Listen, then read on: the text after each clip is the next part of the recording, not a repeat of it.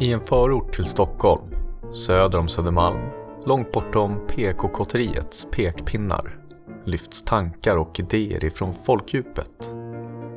Detta är det fjärde avsnittet av Söder om Söder som spelas in den 30 april 2017. Jag som pratar heter Sebastian.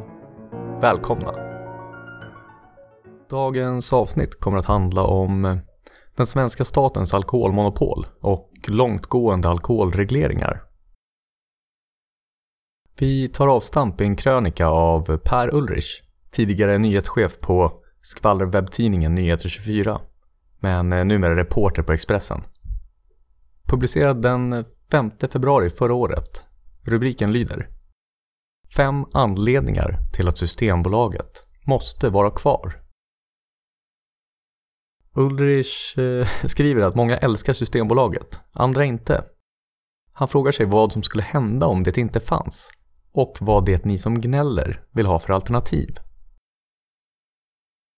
Med eh, gnäller så antar jag att man menade det som på något sätt ifrågasätter statens långtgående förmyndarroll. Eh, hur som helst, Ulrich listar enligt honom fem dåliga argument för att avskaffa alkoholmonopolet som han sedan bemöter vi börjar med det första enligt Ulrich dåliga argumentet för avreglering. Det vore ju skönt att kunna handla sin dricka i mataffären. Ulrich svarar med en fråga. Han skriver Har du någonsin besökt ett land där alkoholmarknaden är avreglerad?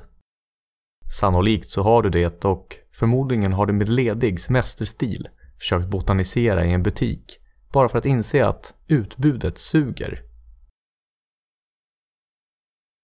Ja, väljer du att med ledig semesterstil gå in i närmsta butik så kan det vara så att just den butiken inte tillhandahåller någon kvantitativ mängd med alkoholhaltiga drycker. Men ofta så finns det åtminstone någonting att välja.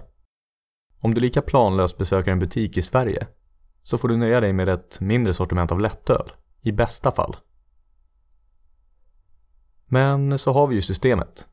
De som förespråkar monopolet brukar ofta hävda att det just garanterar ett större utbud. Men eh, stämmer det? Denna fråga besvaras i en rapport av Timbro publicerad förra året den 4 juli. Här kan vi läsa att det i Systembolagets standardutbud finns drygt 2000 artiklar. Alla artiklar finns dock inte i varje butik och utbudet anpassas efter den lokala efterfrågan. Så därför är utbudet på mindre orter mer begränsat. I länder utan statligt monopol finns förstås butiker med mindre utbud än 2000 artiklar.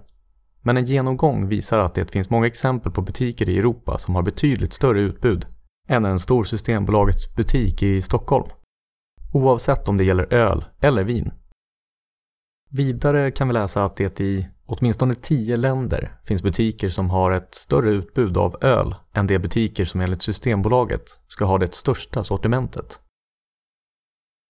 Systembolaget menar dock att man tillgängliggör nära 13 000 produkter genom sitt beställningssortiment. Det innebär dock bara att Systembolaget agerar utlämningsställe för importörer och leverantörer. Att leverantörerna väljer att gå via Systembolaget beror på att Systembolaget har monopol på försäljningen.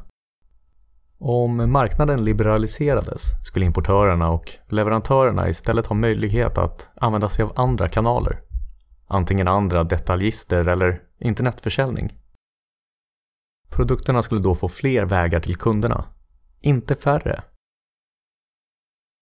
Utöver detta så har länder utan monopol enligt mig många andra fördelar.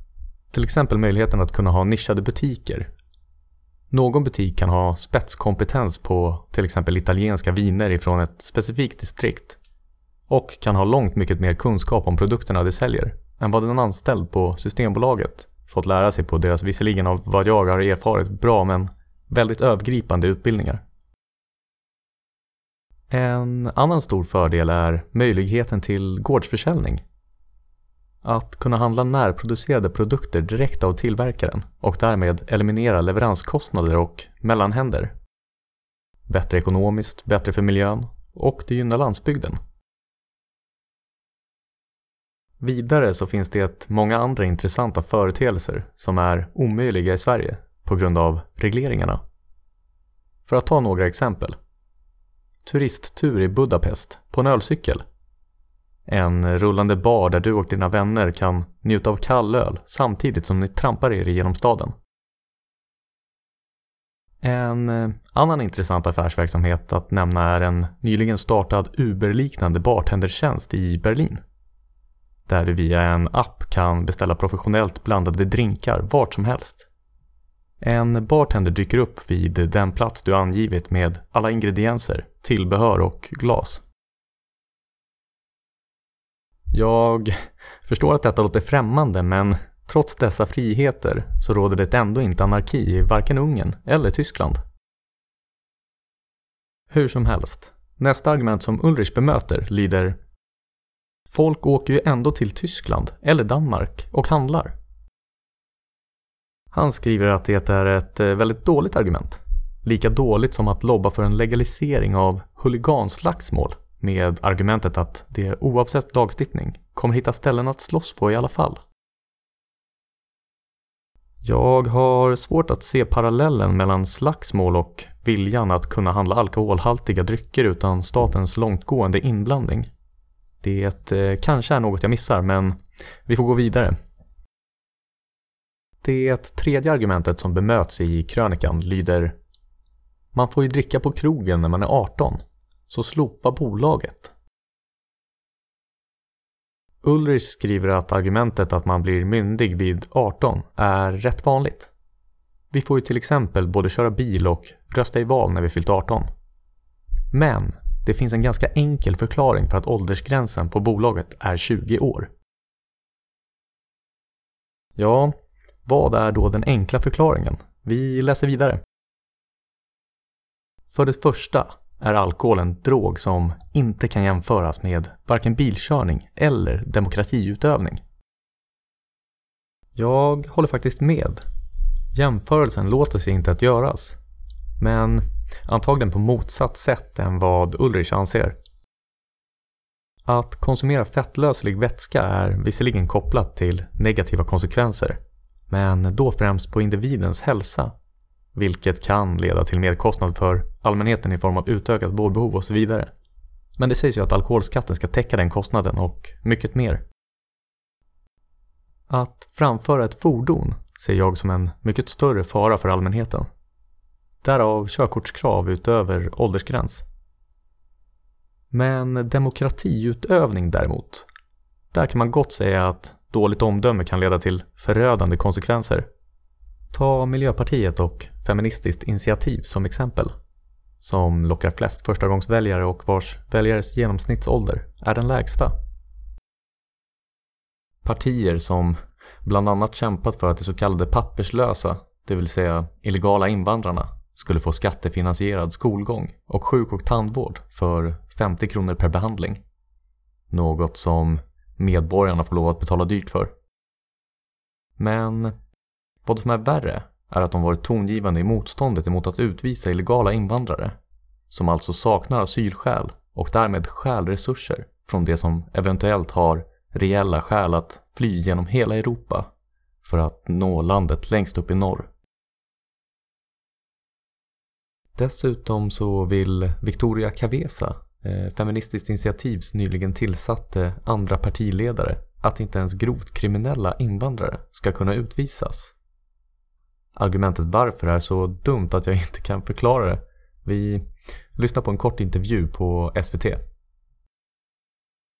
Ni säger också att man ska inte kunna dömas till utvisning. Det innebär att eh, mördare och våldtäktsmän som annars skulle skickas tillbaka till hemländerna blir kvar i Sverige också. Ja, vi måste ju bara komma ihåg att det viktigaste är att de har ju eh, sonat sitt brott och eh, de människor i Sverige som blir fängslade för brott, för grova brott, eh, misshandel, mord, eh, som är vita svenskar, de blir ju inte utvisade.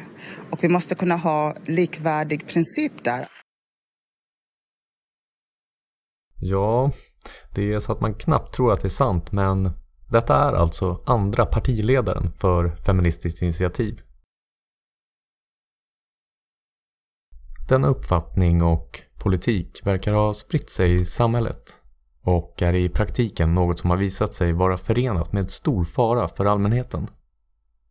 Ta den eritreanska immigranten som för två år sedan högg ihjäl en kvinna och hennes son på Ikea. Eller den usbekiska immigranten som nyligen kapade en lastbil och körde ihjäl fyra personer och skadade ytterligare 15 på Drottninggatan. Båda hade blivit delgivna utvisningsbeslut då de saknade asylskäl, men politisk vilja att genomföra utvisning saknas.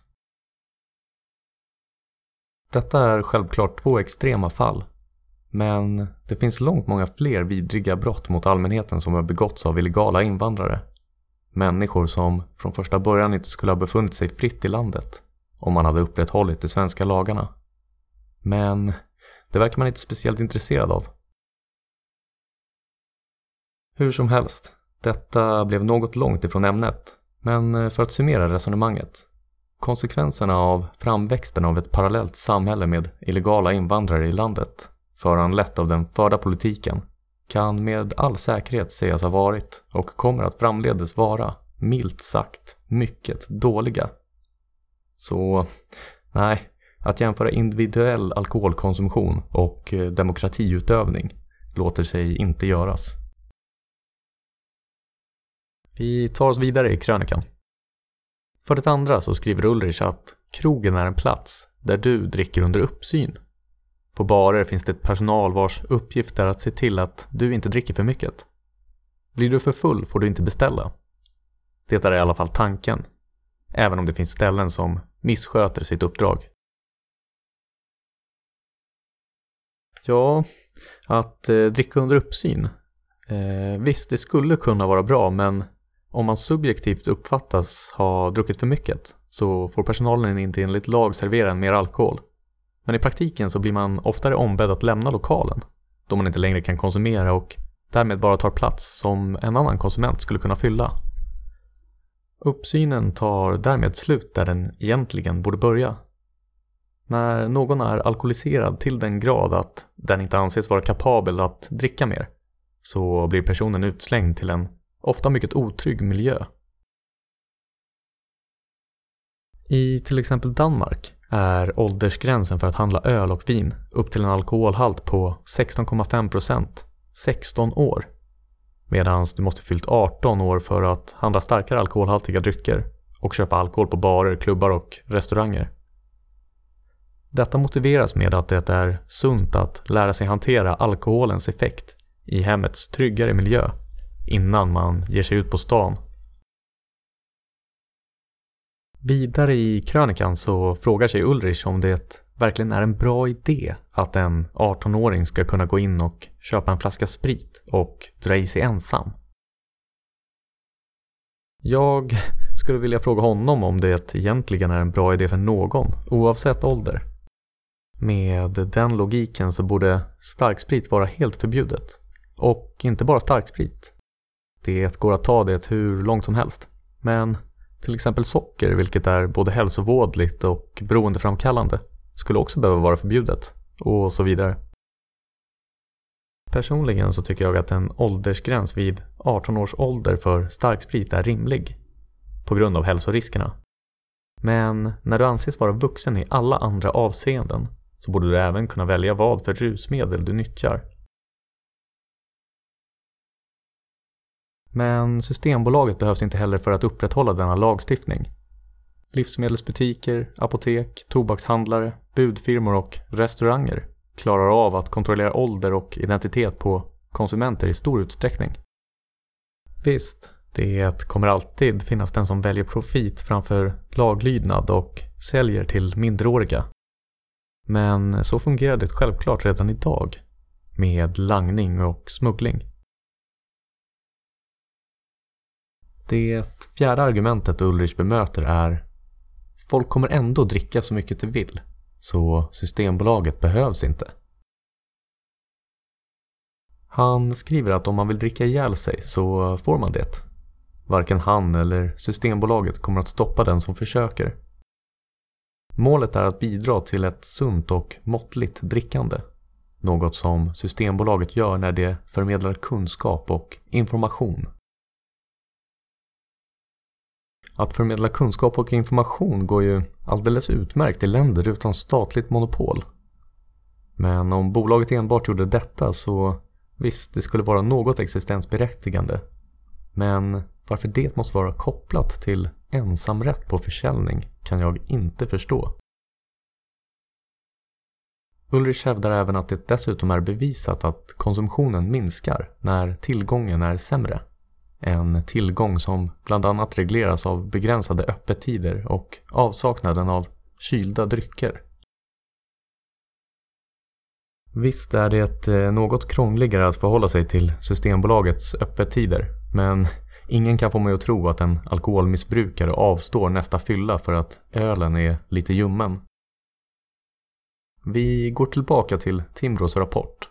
Här kan vi läsa att Trots en ganska omfattande liberalisering och ett monopol som i större utsträckning agerar som ett normalt företag har motiven för politiken inte förändrats nämnvärt.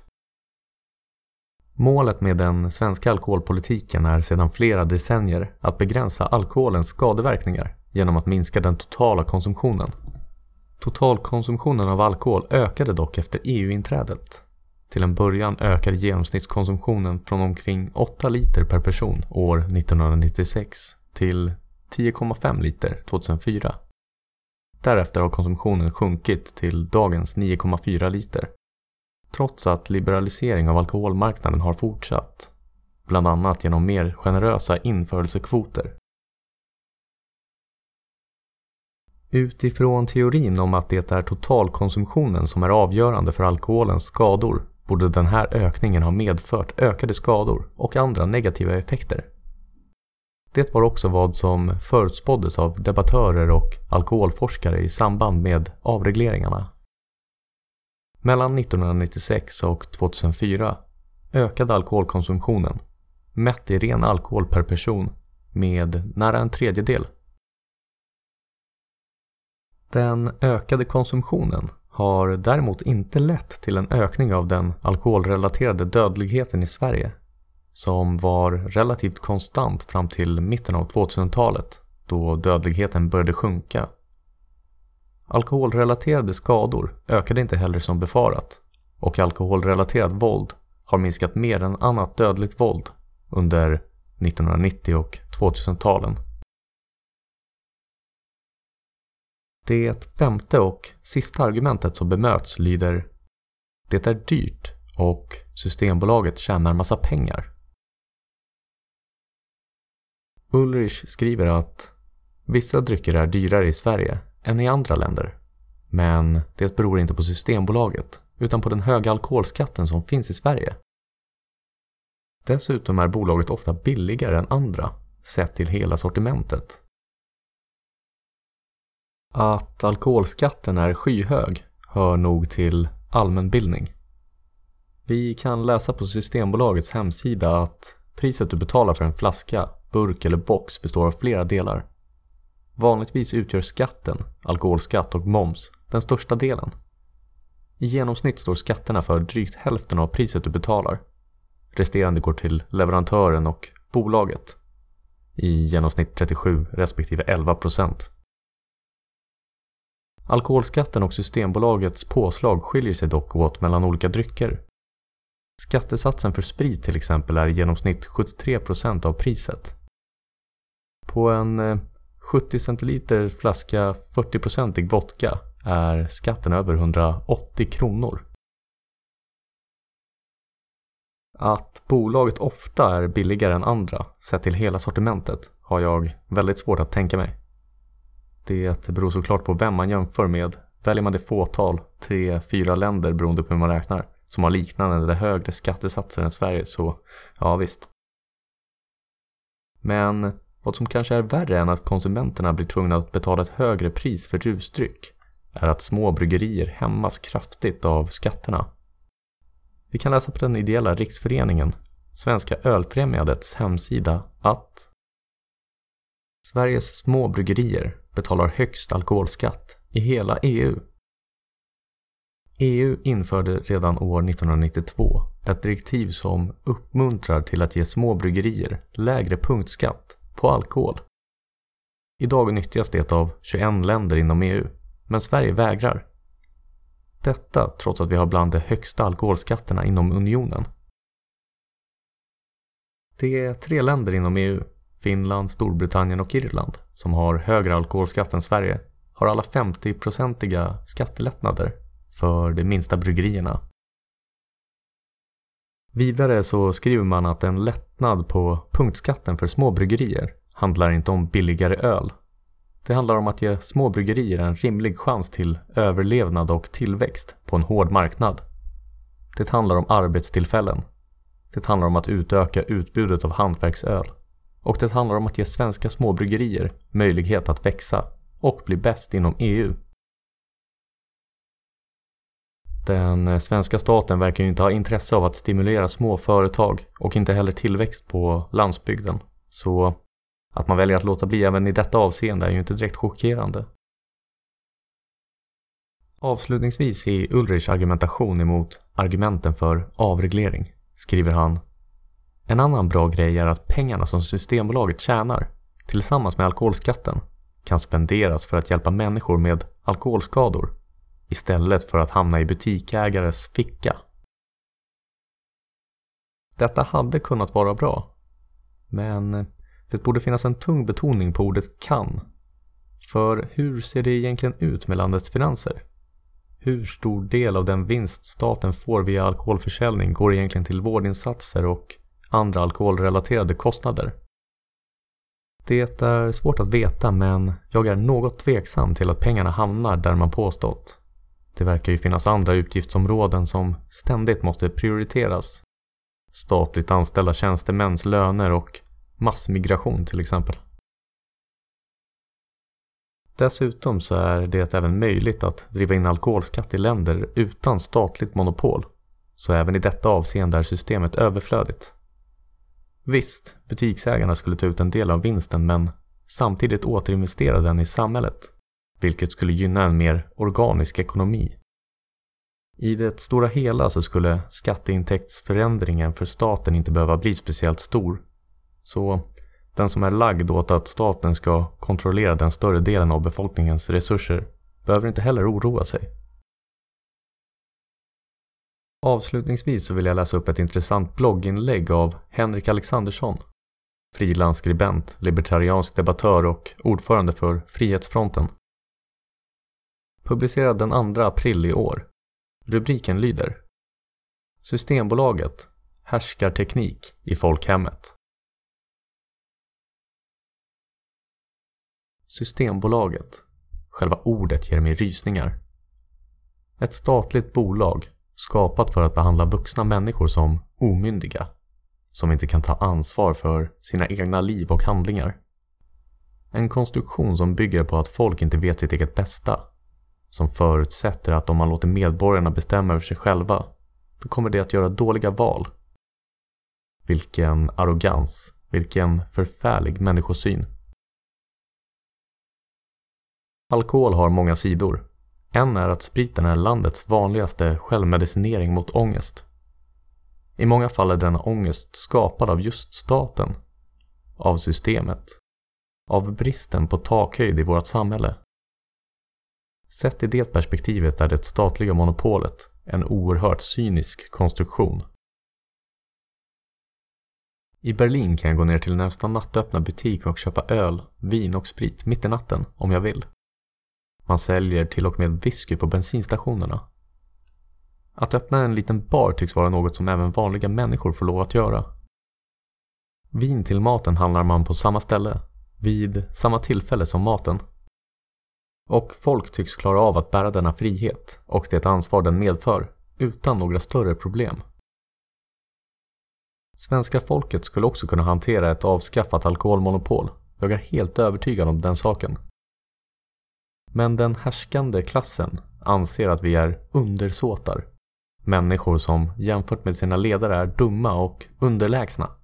Som måste styras, kontrolleras och övervakas av en självutnämnd elit. Här ruckar överheten på själva demokratins grundläggande sätt att betrakta människan för att kunna hindra folk från att springa ner och köpa en flaska rödvin till söndagssteken. det är bortom Kafkamässigt.